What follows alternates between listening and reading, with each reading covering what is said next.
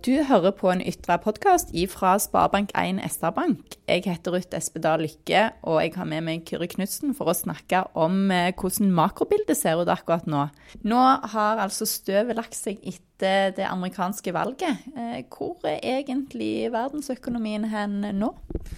Nei, Mange var jo veldig bekymra på forhånd hvis eh, Trump skulle bli valgt som president, og hva det kom til å medføre. Men eh, så har finansmarkedene tatt det med nokså stor ro, egentlig. Aksjemarkedene relativt flate. Det var litt sånn store bevegelser samme dagen, men så roa det seg. Så oljeprisen omtrent den samme. Valutakursen òg mye av det samme. Så eneste som har virkelig begynt å bevege seg, er rentene. De lange, lange rentene som har vært eh, lave veldig lenge. De har steget en god del de siste, ja, siden han ble valgt. da. Hvorfor tror du at det er sånn? Nei, Det har litt sammen med, en sammenheng med den politikken som han sier han skal føre. Da, at han skal bruke mer penger for å make America great again.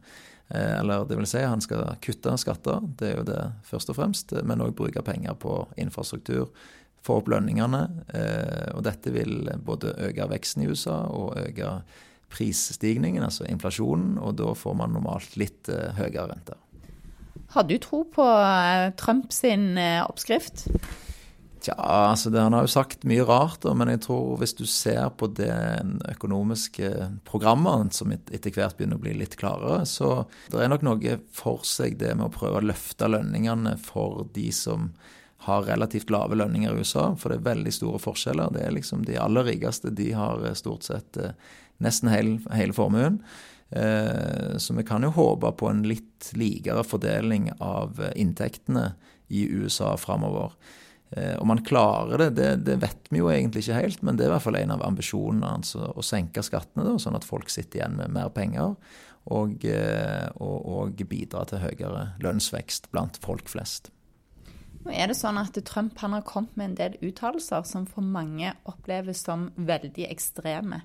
Eh, tror du at det, det, kommer til å bli noe av disse? Altså, jeg, jeg, tror nok retningen blir det noe av, nesten sånn uansett. For jeg tror han har eh, Når det gjelder forhold til handel med utlandet, så er det nok mange som har tenkt at eh, her eh, taper amerikanerne mer enn de tjener på å åpne eh, sin handel nesten helt fullt og helt, eh, mens kineserne fortsatt kanskje sitter og holder litt mer igjen på sitt handelsmønster.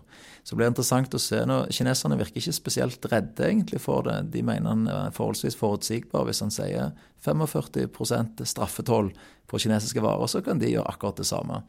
Det interessante blir jo eh, i forhold til resten av verden, da, hvordan dette kan gi seg utslag. Altså hvor, hvor langt han kommer til å trekke det i forhold til handelen spesielt. da. Og, og, hvis han trekker det for langt, så er det klart at USA er avhengig, av kapital fra andre land. Og eh, da kan det godt være at kineserne ikke lenger putter alle pengene sine i amerikanske statsobligasjoner. Og da vil han få problemer med å finansiere planen sin. Så det blir nok en mer pragmatisk eh, president Trump eh, framover, nå som han faktisk eh, har blitt president og må ut og da snakke med, med, andre land i verden. Nå har vi altså en del statsledere, bl.a. Putin og Trump, som er veldig sterke personligheter. Er det sånn at de er like? Ja, Putin gratulerte, i hvert fall det var ganske kjapt så var han ute og gratulerte Trump med seieren. Og jeg tror for oss som bor i Norge, så er det viktig at forholdet til Russland på en eller annen måte normaliseres mot Vesten, da. Og, og, sånn sett så kan det jo være greit at de to virker som de har noe, noe til felles, da. Eh, og jeg tror resten av Europa òg vil måtte følge litt etter. altså Hvis USA nå leder an og prøver å normalisere forholdet til Russland, eh, så tror jeg resten av Europa òg følger etter. Så, men til spørsmålet om de er like Altså, De håndterer jo de problemene i sitt eget land veldig forskjellig. Altså, du kan si at Grunnen til at Trump ble president, er fordi han sier at han skal gjøre noe med problemene i USA. Hjelpe den jevne amerikaner. Mens eh, Putin, han har jo når det er problemer i Russland, så velger han jo heller å gjøre, eh, sant, gå til omtrent krig mot nabolandet for å endre fokus der. Så Sånn sett så er de veldig ulike. Men begge er for så vidt veldig sterke personligheter. Det, det er ingen tvil om. Eh, men for Europa sin del, Hva vil det bety for oss at eh, Trump har blitt president i USA? Ja, sånn Foreløpig så blir det fortsatt dyrt for oss å reise til USA. Eh, dollaren er jo sterk, eh, så det er jo en konsekvens av at han skal bruke mer penger, og at rentene da kan ha, ha kommet opp en del, og at veksten i USA kommer opp. Eh, på den annen side så er det jo kjekt for oss som eksporterer varer Olje, oljen selges jo i dollar, og den veksles om til norske kroner, så får, vi jo flere norske kroner når du har en sterk dollar, en svak krone. Andre eksportvarer òg. Men så er det klart at hvis han skal begynne å stenge grensene for handel, så er jo USA en av våre større handelspartnere. Og sånn sett så kan det, akkurat det ha negative konsekvenser. Samme sikkerhetspolitikken. Vi på at han og Putin nærmer seg litt eh, hverandre. Det er bra, men det er klart at eh, her har vi også, han har også sagt at de skal mm, på en måte redusere bidragene kan du si, til Nato, dvs. Si også sin rolle i Nato, som betyr at enten så fører det til et svakere Nato, eller så må resten av Europa eller de andre landene da trå til. Men sånn alt i alt, har du et positivt syn på framtida med Trump som president de neste fire årene, eller har du ikke det?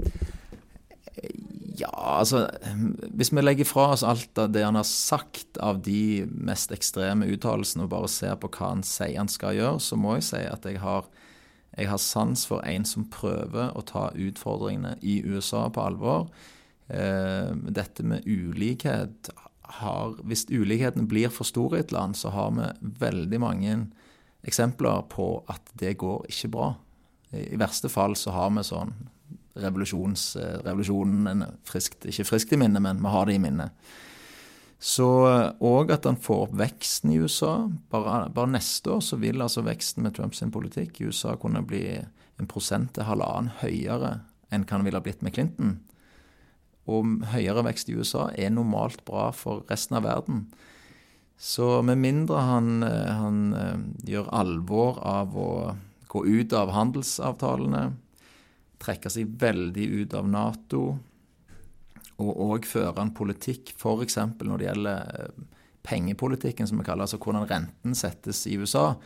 Det er jo nesten så, så han har på en måte tatt på seg at det skal han òg ta ansvar for. Vært veldig kritisk til den pengepolitikken som er kjørt det siste året. Så mindre han gjør alvor av de, liksom, de, de, de drøyeste tingene, så tror jeg det kan gå sånn rimelig greit. Det var godt å høre. Takk for eh, makrooppdateringen. Takk, eh, takk for meg.